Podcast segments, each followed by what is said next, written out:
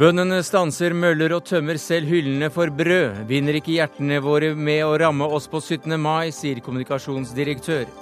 Faren for vulkanutbrudd er større enn et nytt 22. juli, ifølge ny rapport. Går de som skrev den på smertestillende tabletter, spør terrorforfatter.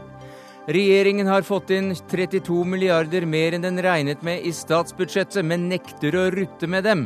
Ganske fint, sier Høyre. Ganske dumt, mener Frp og møter finansministeren i Dagsnytt 18. Og Erna Solberg har et skremmende menneskesyn, skriver tillitsvalgte i Nav. Det er ikke Torbjørn Røe Isaksen enig i.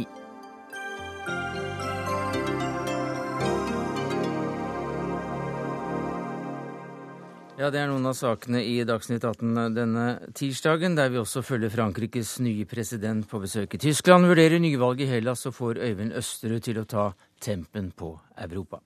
Men først til eh, det som skjedde utenfor Oslo tingrett i dag, reporter Merete Jansen. En mann tente på seg selv. Hva mer vet du? Både vitner og politiet har fortalt om en mann som plutselig sto i full fyr og flamme ved slusene inn mot sikkerhetskontroll utenfor tinghuset. Han skal ha helt en klar væske over seg selv, og så har han tent på før han gikk bort mot eh, sperringene. Det er jo veldig mye politi der akkurat nå under rettssaken. Så skal han ha ropt noe som enkelte sier var 'skyt meg, skyt meg'. Andre er litt usikre på om det var det han sa, men eh, sier at han i hvert fall etter hvert skrek ut i smerte. Og politiet kastet seg over mannen. De ville stanse han fra å komme nærmere tinghuset. De ville også prøve å slukke flammene, så de prøvde å rive av han den brennende genseren. Og så helte de vann over han, og folk på gaten og folk fra tinghuset kom til med vannflasker til politiet, så de kunne helle vann over. Og etter hvert kom også en ambulanse, og mannen ble kjørt bort. Vet vi hvordan det gikk med ham? Nei, Det sies at han har fått alvorlige brannskader eh, på brystet og på magen, eh, men det er ikke noen livstruende skader. Eh, han skal opereres i morgen tidlig. Og siden han er i en sånn tilstand, så har ikke politiet kunnet snakke med han ennå. Så vi vet ikke hvorfor han gjorde dette? Det er uklart hva som var motivet, men eh, det er ikke noe som tyder på at det har noe med rettssaken å gjøre, sier alle de som har snakket om dette så langt. Eh, rett før denne hendelsen så kom mannen busende inn på et advokatkontor like ved tinghuset. Mm -hmm. Der skal han ha prøvd å fortelle en historie om at ingen forsto han, og spesielt ikke Nav. Han skal visstnok ha fått avslag på en søknad om sosialhjelp kort tid i forveien. Hva var reaksjonen i rettssalen da dette ble kjent? Nei, Jeg satt jo inne i salen akkurat når dette mm. skjedde. og det som skjedde var jo at Du så at stadig flere rundt i salen der begynte å kikke på mobiltelefoner og på PC-skjermer og vise disse til hverandre. og Etter hvert så forsvant den ene journalisten etter den andre ut av lokalet, da sikkert for å gå ned og se på det som skjedde utenfor. Eh, du så at Breivik også fikk vite hva som skjedde, fordi at eh, forsvarerne hans tok opp en mobil og viste til han akkurat da. Eh, statsadvokat Inger Beyer Eng hun sa etterpå, når alt var ferdig inne i salen, at eh, hun var blitt irritert på alle som forsvant ut, men det var da før hun hadde fått vite hva som eh, foregikk på utsiden. Så. Men det er ingen som kan si noe om dette hadde noe med det som skjedde inne i rettssal 250? Nei, det er ingenting som tyder på det foreløpig. Og, og når det gjelder denne mannen, så er det sagt at han er en norsk statsborger, men med utenlandsk opprinnelse. Han skal være i slutten av 40-årene. Politiet mener det kan være en person de har hatt kontakt med tidligere i andre sammenhenger, men de vil ikke si noe mer om hva slags kontakt det har vært. Takk skal du ha, reporter Merete Jansen.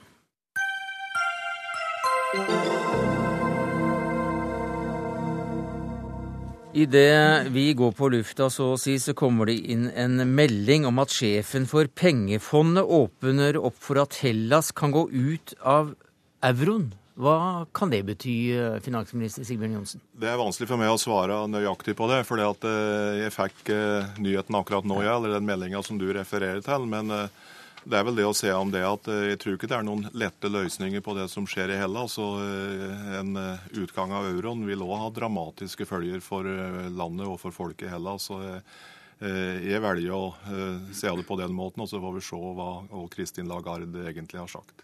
Vi kommer tilbake til det utover sendinga, men du er her. Fordi i dag så la du for de rød-grønne fram revidert eh, nasjonalbudsjett.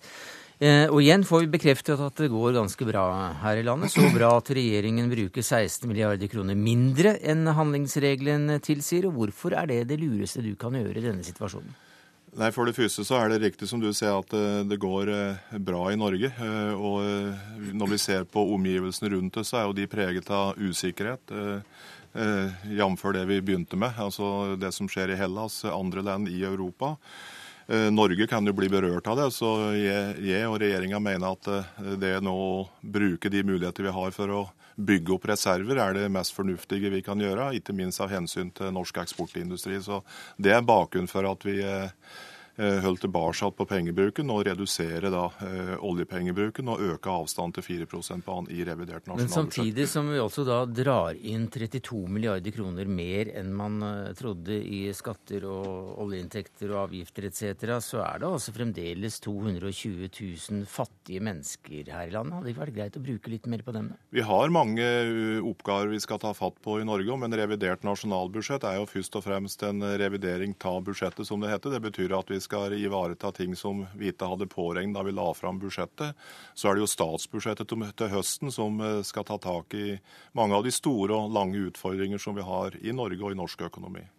Men eh, du selv refererte til uh, din tid som boliglåns, om ikke offer, så i hvert fall den gangen renta var ganske høy. For du sa på pressekonferansen at du fryktet nordmenns gjeld. Det er klart at Det vi har sett eh, den siste tida, er jo at eh, gjelda har aldri vært så høy sett i forhold til bruttoinntekta som er nå. Vi var heller ikke det på 80-tallet, altså før eh, bankkrisa. Altså gjennomsnittlig to ganger bruttoinntekta. Mange har tre til fem mm. Ganger bruttoinntekta. Og det går jo bra, for renta er lav. Og renta er låg, og, og, det er verdt å minne om at uh, renta er låg fordi at det er en ekstraordinær situasjon i europeisk økonomi, amerikansk økonomi, og norske renter gjenspeiler jo òg det. Så vi må påregne at renta kommer til å øke når ting etter hvert stabiliserer seg. og da Eh, må en ta høgde for det i dag. Det er for seint å gjøre det når renteøkningen kommer. Og du refererte til din egen uh... Ja, 14 ja. i 1991. Som eneste parti på Stortinget som da vel uh, åpner en del for um, å øke oljepengebruken i revidert nasjonalbudsjett, det er Fremskrittspartiet. Ketil Solvik-Olsen, du er finanspolitisk talsmann der. Hva skulle du ønske at Johnsen kunne bruke litt penger på? La meg bare presisere at regjeringen bruker 6 milliarder mindre oljepengekroner enn det en la opp til i fjor høst. Vi mener at det må være rom til å kunne bruke det samme nivået som vi ble enige om i fjor høst. Det betyr ikke at vi bruker mer enn det som var planlagt. Det vi altså i en situasjon der vi opplever at skatteinntektene er 5-6 milliarder kroner høyere enn det en trodde. Da kan du gjøre tre ting med dem. Enten kan du gi skattelettelse, sånn at skattenivået er det samme som jeg trodde. Eller så kan du investere dem, eller så kan du spare dem. Regjeringen velger å spare alle ekstrainntekter, både de 6 milliardene i skatteinntekter og de 6-27 milliarder kroner som kom i økte oljeinntekter i utlandet. Det å ha litt penger på bok er riktig.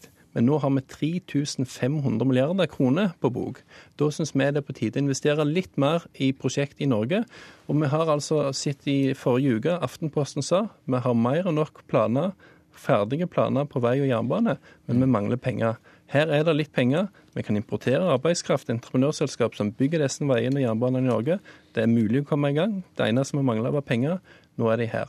Og I dag så ser vi altså at når regjeringen forrige uke la fram prosjektet om å bygge Ryfasttunnelen i Rogaland, så skal den lånefinansieres til 6,5 mm. rente, mens vi låner penger til Tyskland til 1,8% rente. Det er ikke ansvarlig økonomisk politikk. For å sette ting i litt større sammenheng. Det er riktig at det er 3500 milliarder i Statens pensjonsfond utland. Samtidig så er det kravet alle vi, som, vi, tre, vi fire som sitter her, og alle de andre, krav på framtida i form av pensjoner 5200 milliarder. Så det er viktig å se ting i en litt større sammenheng. Det er det ene. Det andre når det gjelder hvordan en skal investere eh, oljefondet, som det heter før, eller Statens pensjonsfond utland nå. Der eh, har et bredt flertall i Stortinget sagt, eh, da en laga loven i 1990, at de skal investeres i utlandet. Og Det er det fortsatt bred enighet om. Jeg tror at det er Fremskrittspartiet som er det eneste partiet som er villig til å bryte den regelen. Eller er dere også på glid, Jan Tore Sanner, finanspolitisk talsmann i Høyre? Nei, Vi eh, ønsker å holde fast, holde fast ved handlingsregelen. Men, men det, blir, det, blir, en litt feil, feil, debatt å bare se på om du bruker noen eh, oljemilliarder mindre. Fordi at Hvis du ser på hele statsbudsjettet, så har eh, utgiftsveksten aldri vært så stor som det den er nå, siden 2009. Du må helt tilbake til finanskriseåret for å finne et mer eh, ekspansivt eh, budsjett. Eh, og det, det mener jeg er bekymringsfullt. Men det er to ting som er bekymringsfullt. Og Det ene er at de offentlige utgiftene vokser veldig raskt. Det andre er at olje- og gassindustrien går veldig bra, det skal vi glede oss over. Men den øvrige næringslivet, de som konkurrerer med utlandet, de sliter. Eh, og jeg frykter en situasjon hvor vi blir mer og mer oljeavhengig, og derved også mer og mer sårbare. Så det er en del ting jeg ville gjort annerledes. Jeg ville bl.a. som eh, Ketil Solvik-Olsen investert mer, men så ville jeg brukt noe mindre på en del driftsbudsjetter. Det er riktig at vi er en sterk utgiftsvekst fra 2011 til 2012. og Det skyldes eh, først og fremst at eh, utgiftene har blitt mindre i 2011 og inntekten større. Så det grunnlaget du sammenligner med i forhold til da vi la fram budsjettet i fjor, har endret seg. Ellers er jeg enig med Jan Tore Sanner i at eh, det er viktig å se på hva som skjer i norsk konkurranseutsatt næringsliv. Olje og gass er en viktig sektor for Norge. 230 000-250 000 ansatte. Men samtidig så hovedgrunnen til at vi holder tilbake på pengebruken i revidert nasjonalbudsjett, er at vi ikke ønsker å legge press på renter og kronekurs, og det er av hensyn til eksportindustrien totalt mm. sett, mm. inklusive de bedriftene som oss Sanner er opptatt av. Og det, det, det, er fornuftig, og jeg er glad for at uh, finansministeren også bekrefter at det er en bekymringsfull utvikling at vi blir stadig mer avhengig av olje- og gassektoren. Jeg, jeg syns det er flott med olje og gass, og vi kommer til å ha mer av det, men vi er nødt til å ha flere bein å stå på. Vi blir for sårbare.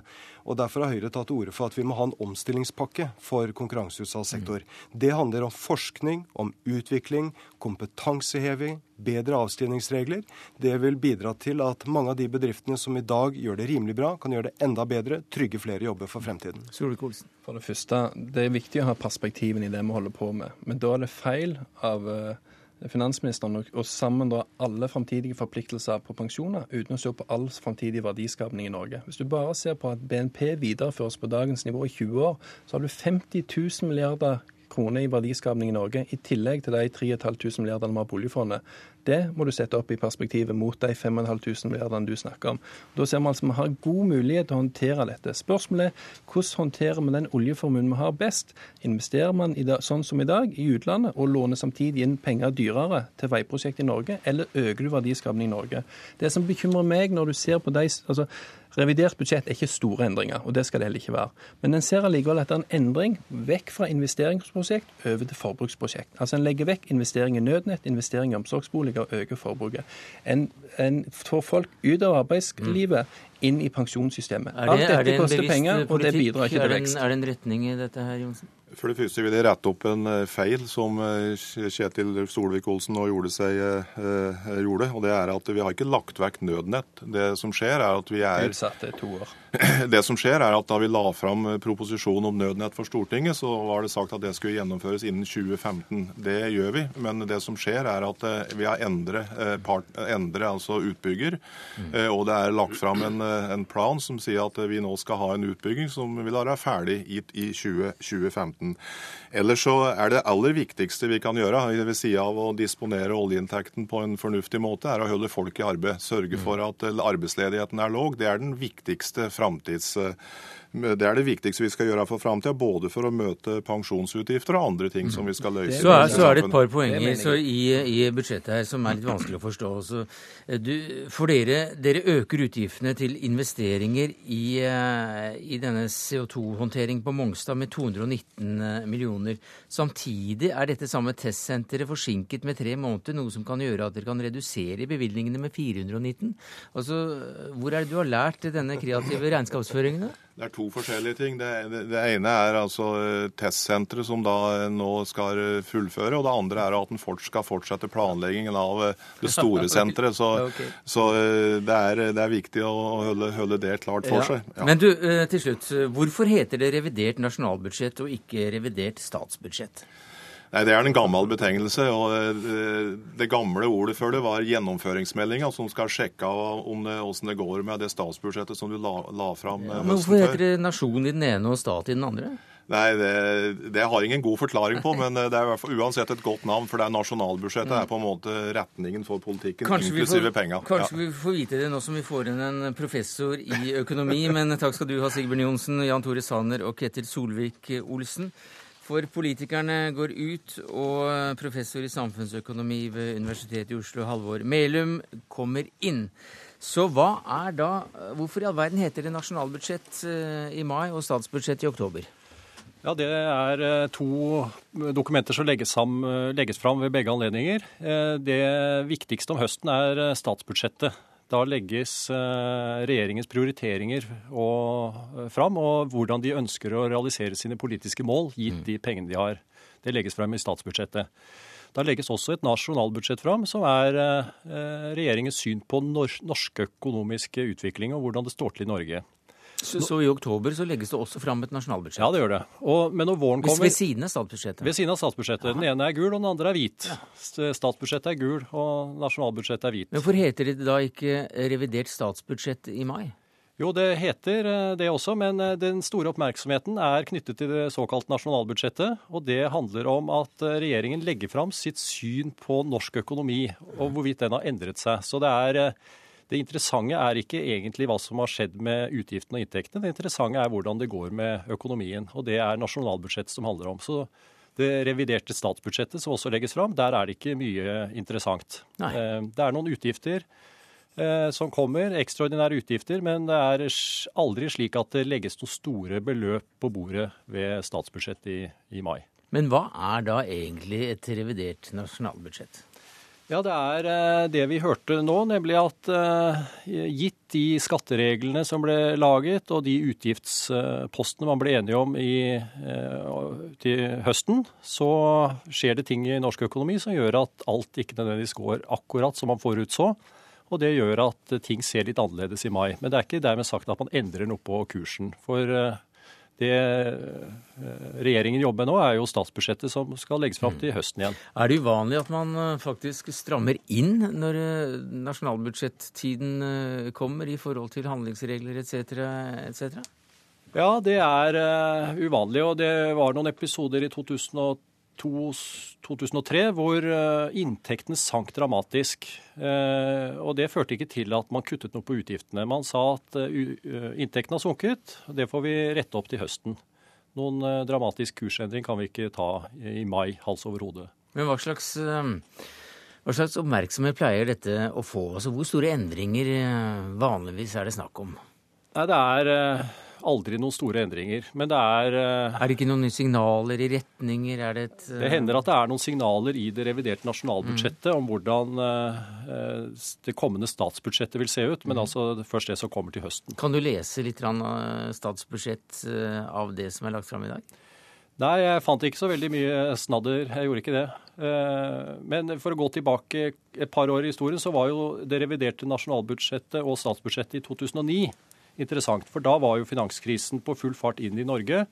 Og regjeringen måtte improvisere eh, tiltak for å stimulere økonomien. Og det skjedde da i revidert eh, statsbudsjett i 2009. Men utover den episoden så er det sjelden noen store nyheter der.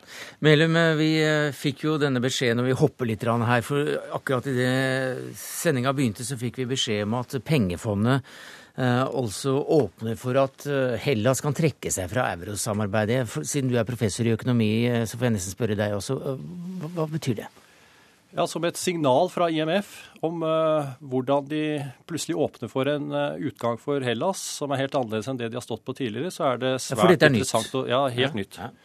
IMF har stått knallhardt på at Hellas skal reddes innenfor eurosamarbeidet. og de har fått tiltakspakker, og i bytte mot disse tiltakspakkene så har de lovet ordninger for innstramming i budsjettene. Hva sier det deg da at IMF åpner for det? Ja, Det sier meg at det er en svært realistisk mulighet, og at alle partene som er involvert, betrakter det som en realistisk mulighet. Så vi er et skritt nærmere akkurat det faktum nå? Ja, og det er vi åpenbart. Og det Lagarde sier, er jo også at det må gjøres på en ordnet måte. Og det betyr at det må mobiliseres betydelige midler for å få det til. Men har IMF noe med dette å gjøre, da? Ja, IMF er en del av den såkalte troikaen sammen med Europeisk sentralbanken og EU-kommisjonen, som driver og forhandler med Hellas om hvordan de skal løse problemene sine Foreløpig har det vært å løse problemene innenfor eurosamarbeidet, men nå er det faktisk eh, en ny dimensjon her, nemlig at IMF ønsker også å diskutere muligheter for at de skal kobles av. Vi skal ikke spørre alle gjestene våre om eh, hvordan eh, dette kommer til å gå, men vi kommer kraftig tilbake til det når vi får Øyvind Østre inn i studio om litt. Men enn så lenge takk skal du ha, Halvor Melum, professor i samfunnsøkonomi ved Universitetet i Oslo.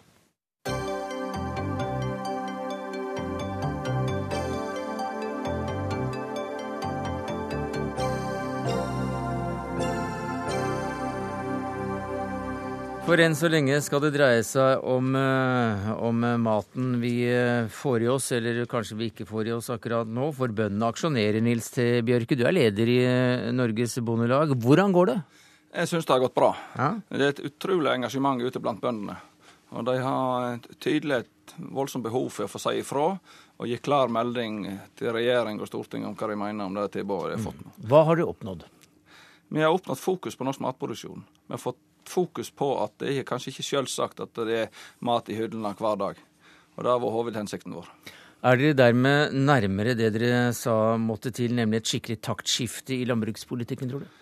Nei, men jeg tror kanskje flere av oss er oppmerksom på hva dette dreier seg om. Dette dreier seg om om vi skal klare å øke norsk matproduksjon. Eller det skal fortsatt ikke den veien som det går nå, der bøndene må ut og hente mer inntekt utenom for å klare seg, og det blir mindre matproduksjon.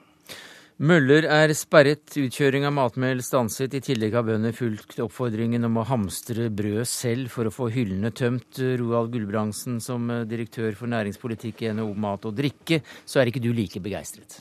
La meg først få lov til å si at Det politiske målet som eh, man har her, det har jeg stor forståelse for at eh, bøndene aksjonerer for. Eh, det tror jeg, og jeg tror at denne aksjonen blir kortvarig. Og så svaret på spørsmålet. Og så er det sånn at dette er en, en, del av norsk matproduksjon som er i internasjonal konkurranse.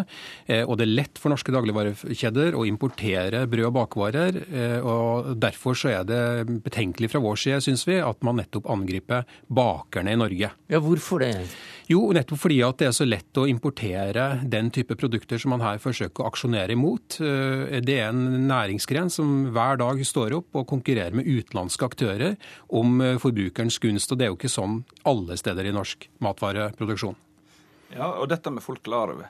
Eh, og Jeg vil jo først begynte med å takke Gulbrandsen. Han hadde en god uttalelse i forhold til vårt eh, krav og mente at bøndene trengte å styrke matproduksjonen. Men det er klart når vi skal markere dette, så er vi nøyd å ta ut noe matvarer. Jo, Men nå tar dere altså bort uh, brødet og, og, lar bakerne få svi. Og dere retter ikke hva heter det, smed for bakere? For, for å snu litt på det så tror jeg folk flest har sett i dag at de er voldsomt opptatt av at de får brød fra bakerne rundt om i det norske land. Jo, Men de sier jo at vi kan bare importere det som jo, gjelder. altså Den er ikke noe særlig utsatt? Jeg tror da at folk i butikkene i dag som ikke har fått det vanlige brødet som de er vant med fra den lokale bakeren, de kommer til å reagere på det. Og det er klart, hadde vi stengt møllene i ei uke så kan jeg skjønne bakerne hadde vært et problem. Men du, Roald Gulbrandsen, du sier også at uh, dette kan uh, ramme bøndene selv. Hvordan da?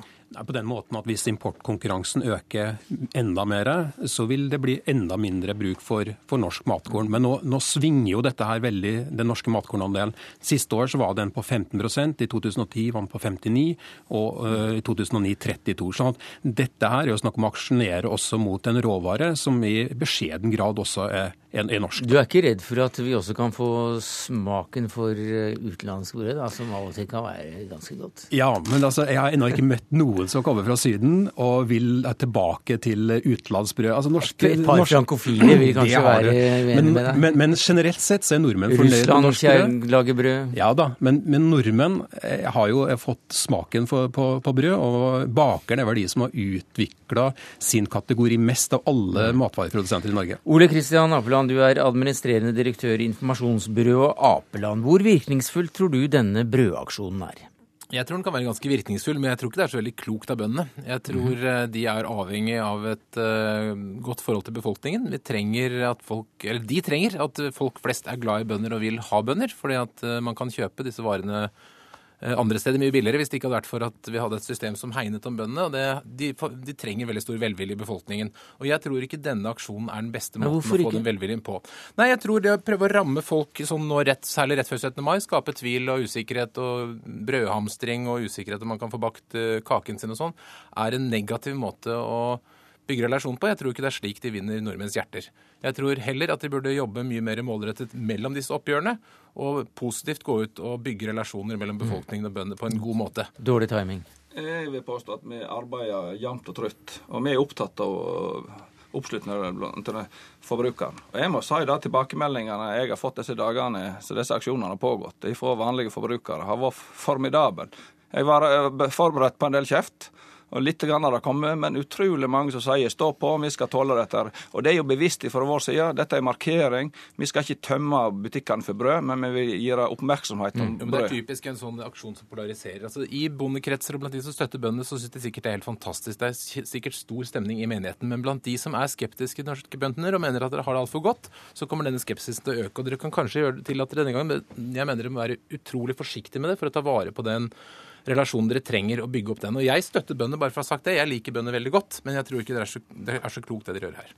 Samtidig så er det sånn at når vi har forhandlinger, så må vi faktisk ta aksjonene når forhandlingene er brutt.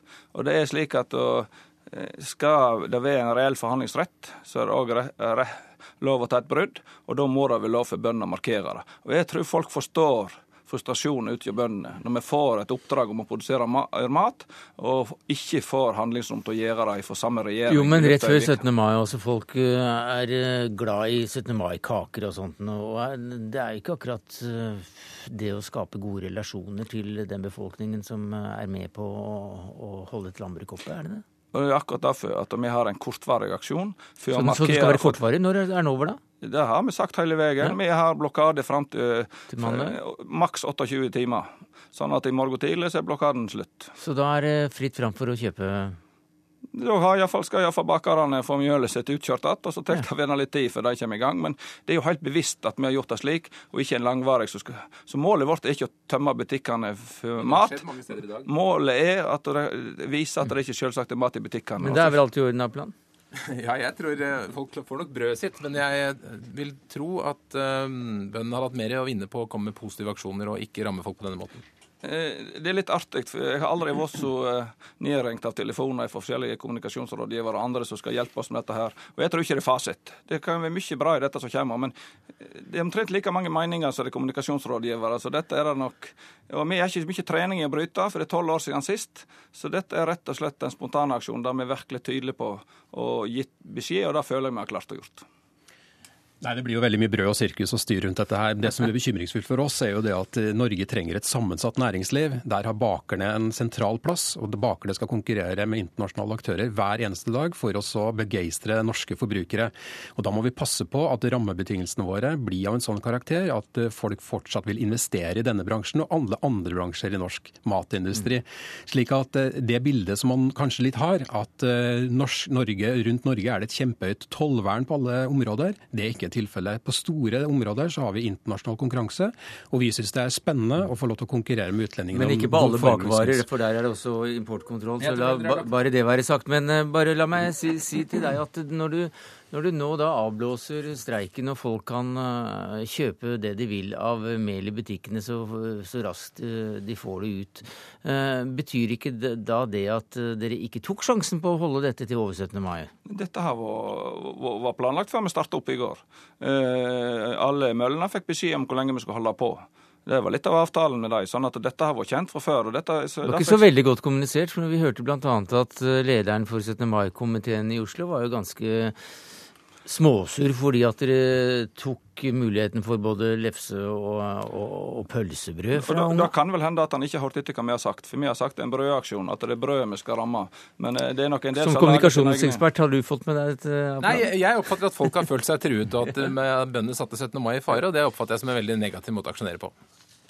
Takk skal eh, du ha, Roald Gulbrandsen, direktør i Nære for næringspolitikk, NHO Mat og Drikke, til Nils T. Bjørke, leder i Norges Bondelag, Ole Kristian Apeland, administrerende direktør i Apeland Informasjon.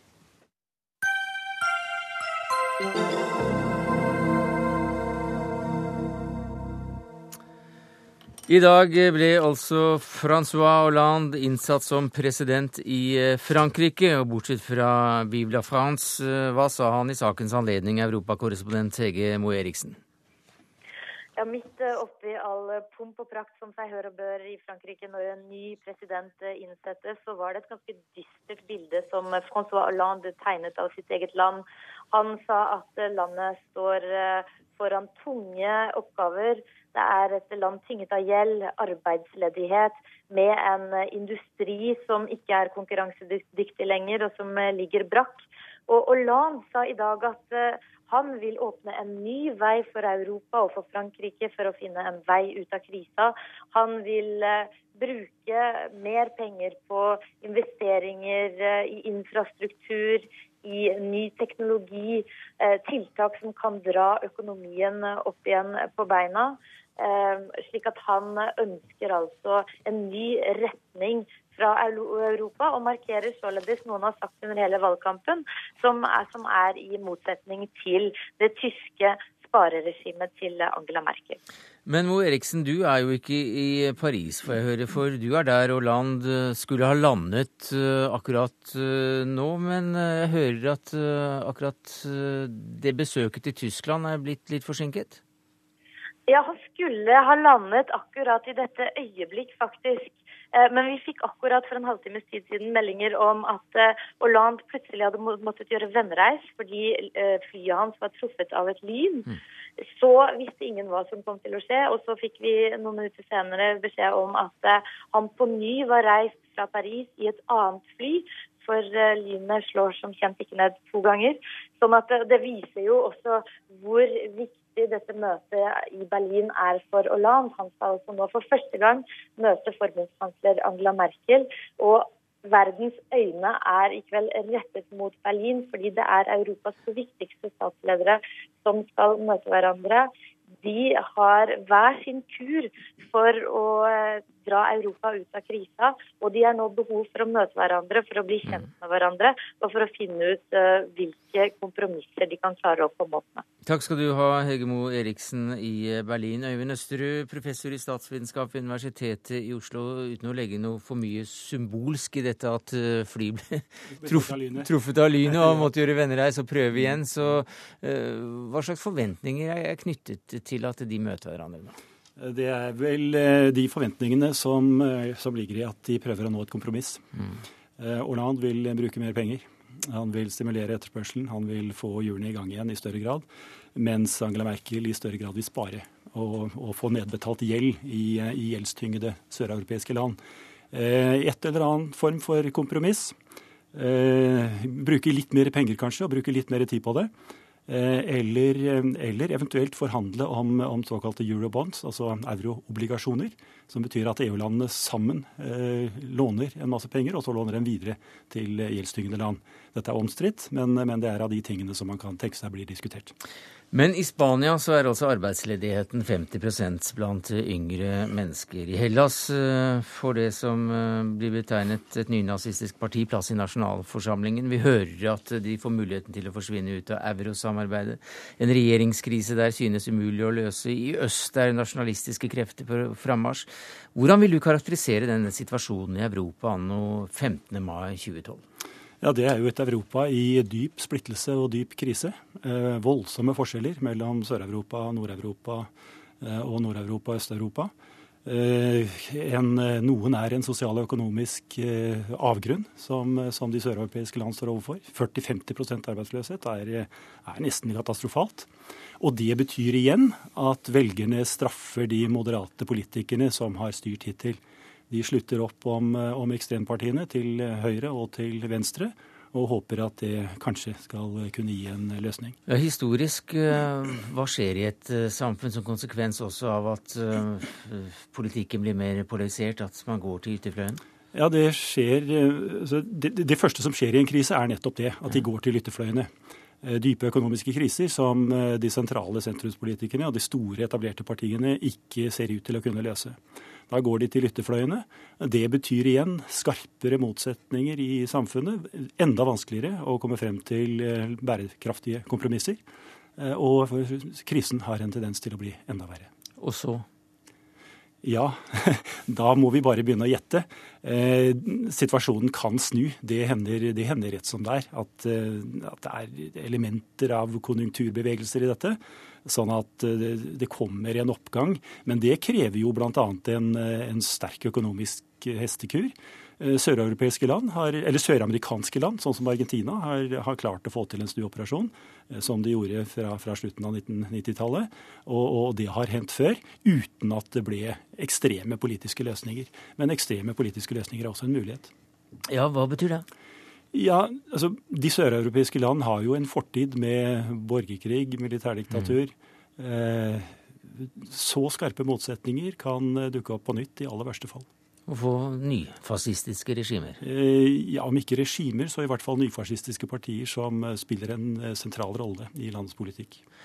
Hva vil da kunne skje med EU som et politisk dynamisk samarbeid? Da sprekker EU opp fra kantene. Fra, fra de østeuropeiske land, eh, Ungarn i spissen, og fra de søreuropeiske land. Begynner med, med, at euroen begynner å brekke opp eh, i, i randsonen.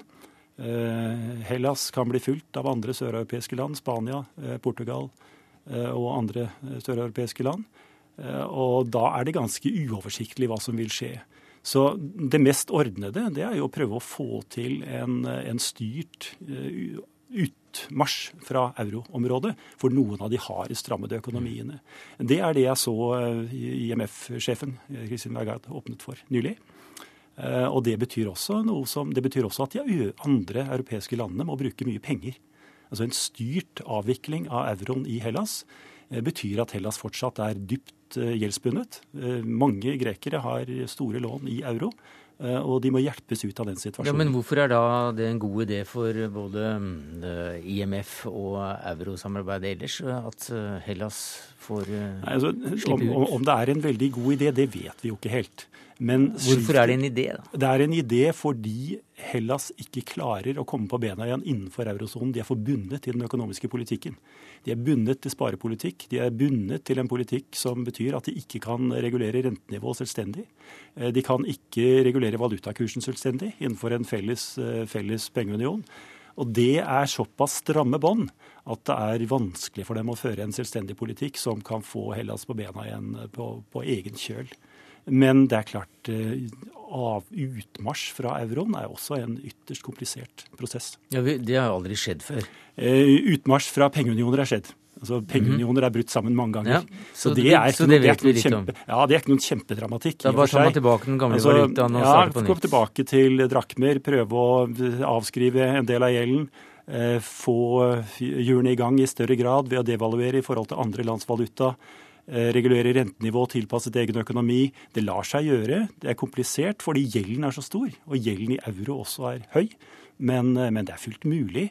Eh, det krever hjelp og støtte også fra de andre europeiske landene. Og, den, og den, den, hjelpen og støtten er også nødvendig for å forhindre at dette sprer seg til altfor mange land. Sprer det seg til la oss si ikke bare til, til, Hellas og kanskje Portugal, men til Spania og, og noen av de store EU-landene. Da er euroen i fare for alvor. Og da forvitrer også deler av EU-systemet eh, e lettere? Ja, da forvitrer deler av EU-systemet lettere. Eh, euroen var sannsynligvis eh, forhastet da det ble planlagt på 1990-tallet, fordi forskjellene mellom de ulike europeiske lands økonomier var så stor. Men når den først er innført, og når søreuropeiske land først er gått inn, så er det ikke noen enkel mm. sak å gå ut av det igjen. Nei, for Du skrev i Morgenbladet for noen måneder siden at EU-ledernes svar på eurokrisen kan legge grunnlaget for enda skarpere kriser både i og mellom medlemslandene. Ja. Er det noe av det vi ser nå? Det er noe av det vi ser nå. Det er, en, det er en, dyp økonomisk politisk splittelse mellom nord og sør i EU-området, og og mellom vest og øst i EU-området.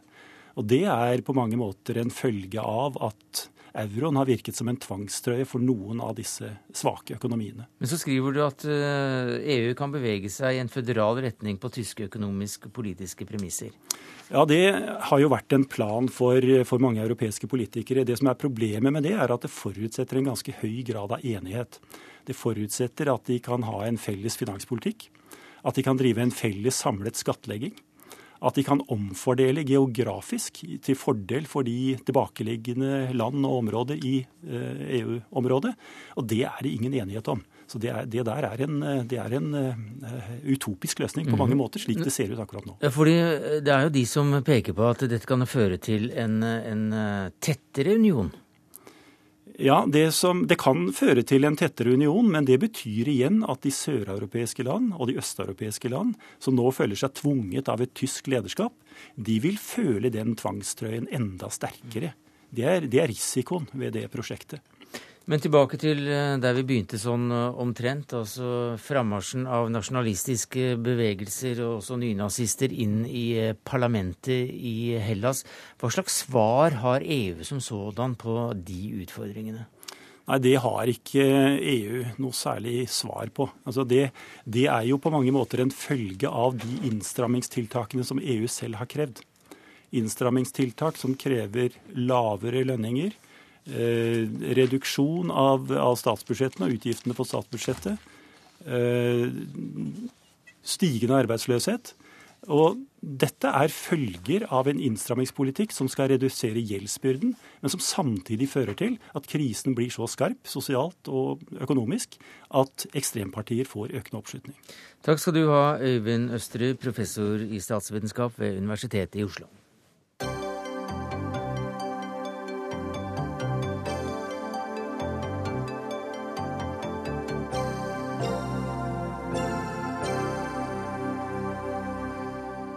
Ja, Det går en debatt om hvem som må ta ansvar for at arbeidslivet her hjemme er mer eller mindre inkluderende, eh, slik Norsk tjenestemannslag, NTL Nav, ser det. Men før vi tar den eh, ballen, så må vi nesten ta mannen eller kvinnen og en, en runde på hvorfor dere skriver at Erna Solberg og hennes likesinnede skrur tida tilbake til da vi hadde tvangsarbeid og fattigkasse, nyvalgt eh, leder Hanne Norhaug. Hva er bakgrunnen for at dere skrev det? Jo, det handler om eh, å det innlegget eh, hvor eh, en vil ha sosialhjelpsmottakere ut i jobb med en stønad på 70 kroner dagen. Mm. Og det mener vi er en feil strategi. NTL Nav vi vil ha et raust og inkluderende arbeidsmarked som har plass til dem som ikke har en A4-bakgrunn. Og Samtidig så skal vi ha gode ordninger for de som er for syke til å jobbe. Eh, og her er nok både Erna Solberg og Røe Isaksen og NTL Nav veldig enige. Eh, og det er bra at vi er. Eh, og det er mange som faller utenfor arbeidsmarkedet, og årsakene kan være mange til det.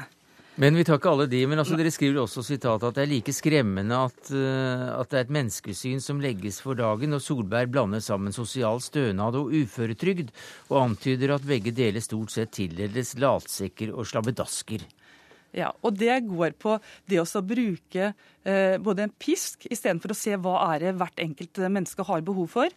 Eh, det er en opp, god oppfølging av eh, enkeltindividene nå i Nav. Det er noe å, å, det å tro at det, hvis du bare får lite nok penger, eller hvis du eh, og blir tvinga ut til ting, så blir du frisk nok til å fungere i arbeidsmarkedet. Og så er det da spørsmål hvem er det som skal ta ansvaret for mm. å hjelpe enkeltindividene. Og det skal vi komme tilbake til, men først akkurat retorikken her, Torbjørn Røe Isaksen i Høyre. For du skriver i Dagbladet at du nesten måtte gni deg øynene da du leste dette innlegget fra NTL Nav. Hva var det som gjorde at uh, tårekanalene trutnet? Nei, det var egentlig ikke angrep på noe, angrepene på Høyre, men det var det de skrev om næringslivet i Norge. La meg bare gi et sitat. De skrev da at uh, i denne kronikken vi har ingen forståelse for at næringslivets eneste mål er kortsiktig maksimering av kapitaleiernes profitt. Og så skrev vi at næringslivet i Norge gjør folk sykere, og at man brutaliserer arbeidslivet. Og Én ting er da at det er en retorikk som jeg mener hører hjemme på 70-tallet. En annen ting er jo at det er veldig feil. For at all forskning vi har, tyder på at arbeidslivet i Norge er veldig, veldig bra. De aller fleste trives på jobben. De aller fleste arbeidsgivere i Norge er framifrå, og de har ansatte som har tillit til dem, og de har tillit til sine ansatte. Og så er det jo sånn, Hvis man skal toppe det hele, så er det jo det aller, aller beste eksempelet på at næringslivet faktisk gjør en kjempeviktig jobb. Det er at de er mye flinkere til å ansette f.eks. folk med funksjonsnedsettelser enn det statlig sektor er. Så næringslivet i Norge fortjener jo ikke kjeft, de fortjener skryt. Eh, en god del av arbeidslivet i Norge fortjener skryt. Men, eh, men, det er klart det er blitt en eh, brutalisering. Men det er kanskje på forskjell... Det er, det er på mange områder så har arbeidsgiverne blitt bedre. Men samtidig så er det verre for noen, for marginale grupper. Og det, det ser vi i forhold til mer bruk av vikarer, mer bruk av midlertidige tilsettinger. De tinga gjør at det er et mer brutalisert arbeidsmarked. Som Høyre forsvarer. Jo, men, men, bare for å ta den påstanden først, for det er ikke riktig at det har blitt et mer altså det, Eller for å si det, for å ta det veldig sånn nøyaktig, da, så er det flere sånn hypoteser på hvorfor folk Altså flere forklaringer, forsøk på å forklare hvorfor folk faller ut av arbeidslivet. En av de som har svakest støtte, det er at det har blitt en generell brutalisering av arbeidslivet. Det stemmer ikke. Men altså, innenfor altså, deler av arbeidslivet Jo, men det kan godt hende at innenfor noen bitte bitte små lommer av arbeidslivet så har det blitt mer brutalt. Det er godt mulig. Men vi har altså mer ferie enn før. Helsetilstanden vår er bedre enn før. Vi jobber mindre enn før. Og ikke bare det, men, eh, men f.eks. bruken av midlertidige ansatte eller vikarer har heller ikke gått spesielt mye opp. I hvert fall ikke bruken av midlertidige ansatte. Så, så bildet som tegnes, er jo stikk motsatt f.eks. det bildet som regjeringa tegner i en arbeidslivsmelding de akkurat har lagt fram nå, hvor de sier at norsk arbeidsliv er bra. Og det jeg ikke skjønner, det er at NTL Nav, som da organiserer masse flinke folk som jobber i Nav, hvordan skal de kunne ha, få folk ut i et næringsliv som de mener er brutaliserende, kortsiktig og bare tenker profitt? For det første så, så, har vi aldri uttalt at uh, arbeidslivet generelt er brutalisert. Men det er en, en form med økende, uh, økende, effektivisering som presser folk mer. Mye mer mål- og resultatstyring av, av arbeidslivet. Det er nedleggelser. Det er eh, forholdet mellom krav og egenkontroll. Eh, og Det er også baksiden av eh, høy produktivitet og, og stor omstilling. Ja, for Dere skriver jo at det er, klart, det er en klar sammenheng mellom arbeidsgivernes kortsiktige profittbehov og slitasjen på arbeidsstokken. Ja. Mm. Og det, og det, mener vi. Eh, og Derfor så, så, mener vi også at arbeidsmarkedet må ta det ansvaret eh, med å eh, tilrettelegge, sånn at de både beholder de ansatte som er, er ansatt, og er villige til å ta og, ansette til folk som da ikke mm. nødvendigvis har den A4-bakgrunnen. Og, og, da er vi kommet eh, til kjernen, kanskje litt sent, i, i, det jeg forstår er noe av debatten her, nemlig at dere mener at, eh, at man skal ikke se veldig mye på, på individet og skylde på individet for samfunnsproblemer. Nei, for det her er sammensatt. Og som jeg begynte med, vi, Både Nav og, og, og, Høyre ønsker jo et uh, inkluderende arbeidsmarked. Men det er mer hvordan skal vi få det som er, er utfordringa. Uh, vi uh, mener at vi må tilnærme oss arbeidsmarkedet. Vi, det er viktig med gode arbeidsmarkedstiltak, det er viktig med god oppfølging for at vi skal sette folk i stand til å møte arbeidslivet. Men det hjelper ikke om har da, om folk går år på tiltak eh, og få tett oppfølging hvis det ikke mm. er et arbeidsmarked som tar imot dem eh, i etterkant. Det, det er jeg helt enig i, men det er to ting å si. For det første så er det private næringsliv flinkere enn staten til å ta imot de som man da antar har vanskelig, større vanskeligheter med å komme inn i arbeidsmarkedet. F.eks. minoritetsgrupper folk med funksjonsnedsettelser, den type ting. Og for det andre, som Jeg sier, altså jeg kommer fra Porsgrunn. Der har industrien omstilt seg i 25-30 år. Samtidig så er det en, et område med ganske høye uføretall. Jeg måtte være ganske dum hvis ikke jeg så sammenhengen mellom næringsomstillinga som har vært i Porsgrunn, og uføretallene som kommer. Så jeg er helt enig, vi skal ikke individualisere kompliserte problemstillinger. Men, men, men det blir jo noe helt annet enn å komme med en totalt udokumentert påstand om at den generelle tilstanden i norsk arbeidsliv er brutalisering. Og til og med gå enda et steg lenger, som dere gjør i denne kronikken, og sier at arbeidslivet er hovedproblemet til at folk blir syke og faller ut. Det har du ikke noe belegg for, altså. Eh, for det første så er det eh, både offentlig og privat eh, arbeidsmarked som må ta imot folk som er, er syke eller har, har en, har ekstra, trenger ekstra bistand for å komme tilbake i jobb. Sånn det, så det her er ikke et angrep bare på det private næringslivet. Nei, i, jobber, I kronikken så er det ja, det. Men, men, men, generelt så mener vi også at det offentlige er, det er en brutalisering også i det offentlige, med uh, høyt krav, mye mål- og resultatstyring. sånn at det, det her er også et, uh, en utfordring til det offentlige arbeidsmarkedet. Men er det slik du ser det også, at det offentlige er svakere på å tilrettelegge for, for grupper som ikke så lett kommer inn i arbeidslivet, enn det private er? Nei, jeg ser ikke noe forskjell. Ja, men dette kan, dette kan, man se på tallene.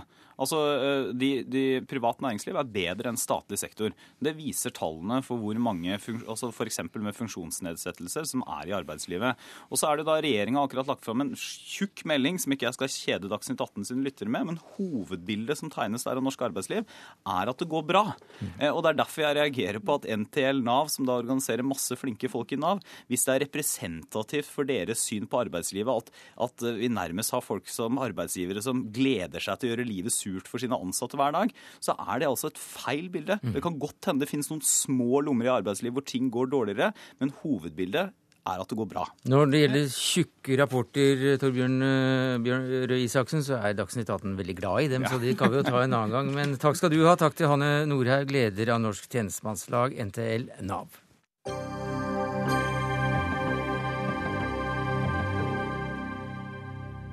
I går la Direktoratet for samfunnssikkerhet og beredskap, DSB, fram årsrapporten Nasjonalt risikobilde 2012. Konklusjonen der er at sannsynligheten er liten for at Norge vil rammes av terror eller et alvorlig hackerangrep. Ja, Ifølge dere er det større sjanse for et vulkanutbrudd enn et terroranslag à la 22.07. Og dette må du forklare, Per Brekke, du er avdelingsdirektør i DSB. Det skal, det skal jeg gjøre. Eh, for det første så er det viktig å være klar over hva det nasjonale risikobildet er, og hvorfor vi har det. Eh, og Det er altså å adressere en type utfordringer som er eh, vanskelige, alvorlige, og som kommer til å kreve mye av samfunnet hvis dette skulle skje. Og det å sette dette sammen og lage det til et felles bakteppe for alle som har et ansvar, er et veldig viktig stykke beredskapsarbeid. Og til ditt spørsmål konkret. Eh, det er riktig det at det er beskrevet et antall scenarioer i, i denne rapporten. Eh, men eh, vi ønsker ikke, og det blir direkte feil, å si at det skal likestilles med at vulkaner som sådan er mer farlig enn terror.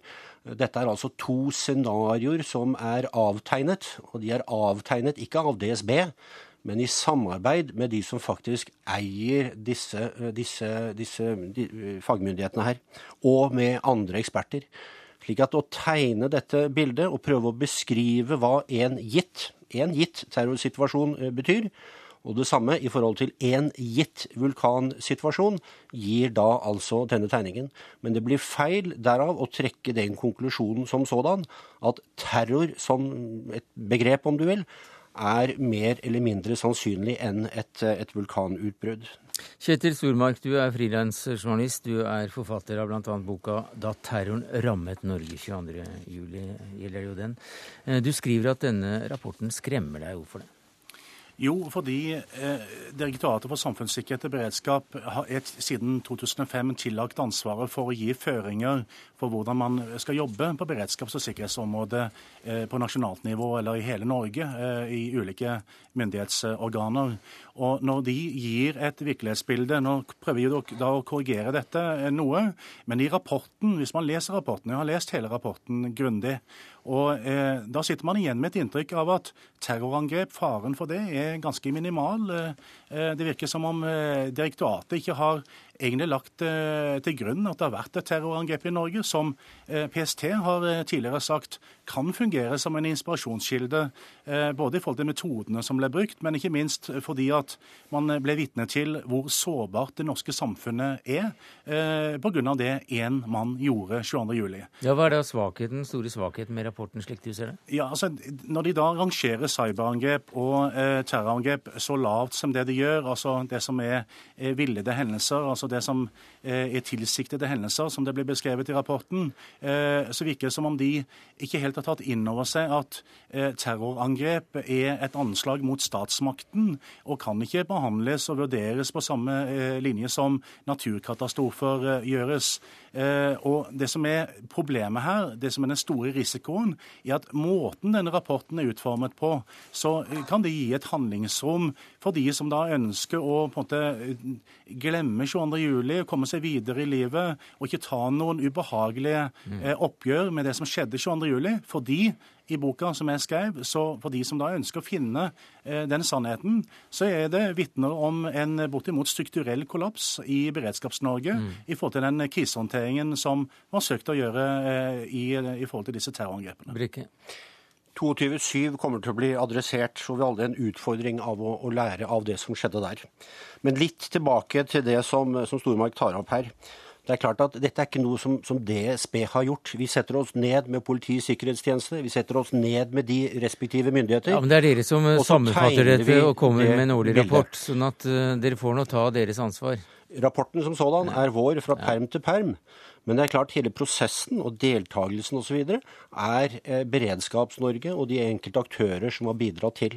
Og så kommer det da ut på denne måten, gitt disse spesifikke scenarioene som sådan. Stormark ble det beroliget av det? Ja, altså, jeg, er litt fristet til å spørre hvorfor dette brevet som PST-sjef daværende Janne Kristiansen skrev 27.10 i fjor eh, til Justisdepartementet, som lå til grunn for den redegjørelsen som eh, justisminister Knut Storberget holdt i Stortinget 10.11. i fjor.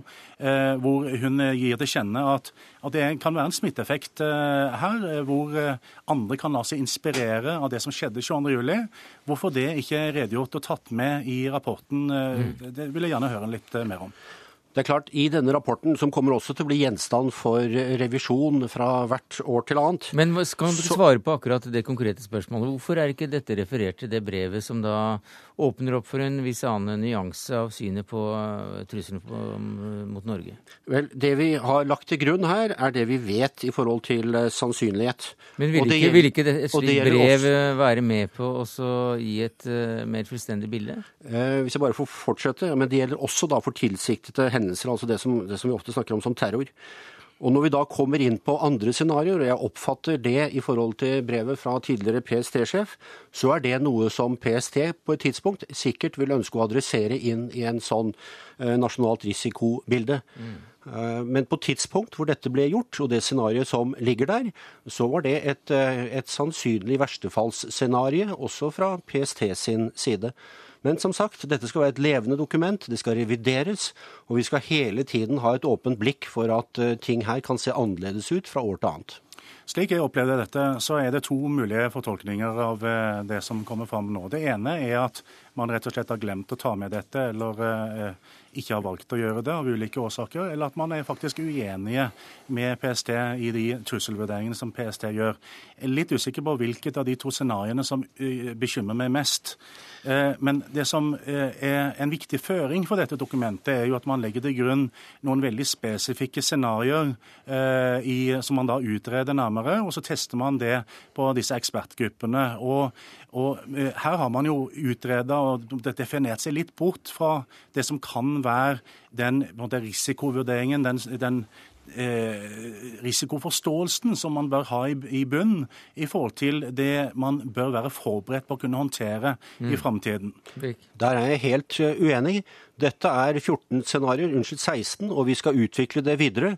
Og hvis vi som samfunn kan ha et planleggingsgrunnlag at dette kan skje oss, så er jeg overbevist om at vi skal være mer robust når noe skjer. Mm. Men det, samtidig skriver dere, uh, bare for å avbryte deg litt der du sitter nede i Tønsbergbrekket, at uh, terrorhandlingene 22.07 har så langt ikke medført noen endringer i truslene fra organiserte nasjonale ekstreme miljøer i Norge. Og her forholder vi oss selvfølgelig til eh, det som er PST sin trusselvurdering. Og som også ligger til grunn i det som vi har utarbeidet her, også sammen med PST. Men la meg si det, at disse 16 scenarioene, det er jo slett ikke gitt at de utfordringene vi kommer til å møte i fremtiden, er representert ved disse. Men det som er gitt, er at hvis vi kan håndtere disse 16 som et samfunn, så tror jeg vi står atskillig bedre rustet til å møte det som vi i dag kanskje ikke kan sette navn på. Det er mye pent å si om rapporten på en del andre ting. Blant annet så er det veldig flott at eh, DSB peker på eh, sårbarheten i forhold til norske kommuners eh, manglende beredskap og strømutfall over lengre perioder. Men samtidig, når du går inn i det scenarioet og gransker litt metodene som DSB har da brukt sånn for å analysere det, så ser man at det som ligger til grunn for vurderingen av det scenarioet, er da eh, bare en spørreundersøkelse mm. og, og, tre eh, skrivebordsundersøkelser som DSB refererer mm. til som intervjuer, som, som med tre forskjellige forskjellige kommuner. Så det foreligger da ikke mer enn tre kvalitative undersøkelser, tre forskjellige kommuner. Og Det blir for dårlig. Eh, og Det gjør at jeg blir òg bekymra i forhold til hva slags grunnlag man har hatt på andre temaer her. Der fikk du også eh, ganske godt skjult, men i hvert fall litt grann Åtgaum-Brekke. Takk skal du ha, Per Brekke, avdelingsdirektør analyse og nasjonal beredskap i Direktoratet for samfunnssikkerhet og beredskap. Og takk til deg, Kjetil Stormark, journalist og forfatter. Det var det vi rakk i Dagsnytt 18 denne tirsdagen, takket være ansvarlig for det hele Dag Dørum. Det tekniske ansvaret hadde Finn Lie. Jeg heter Sverre Tom Radøy.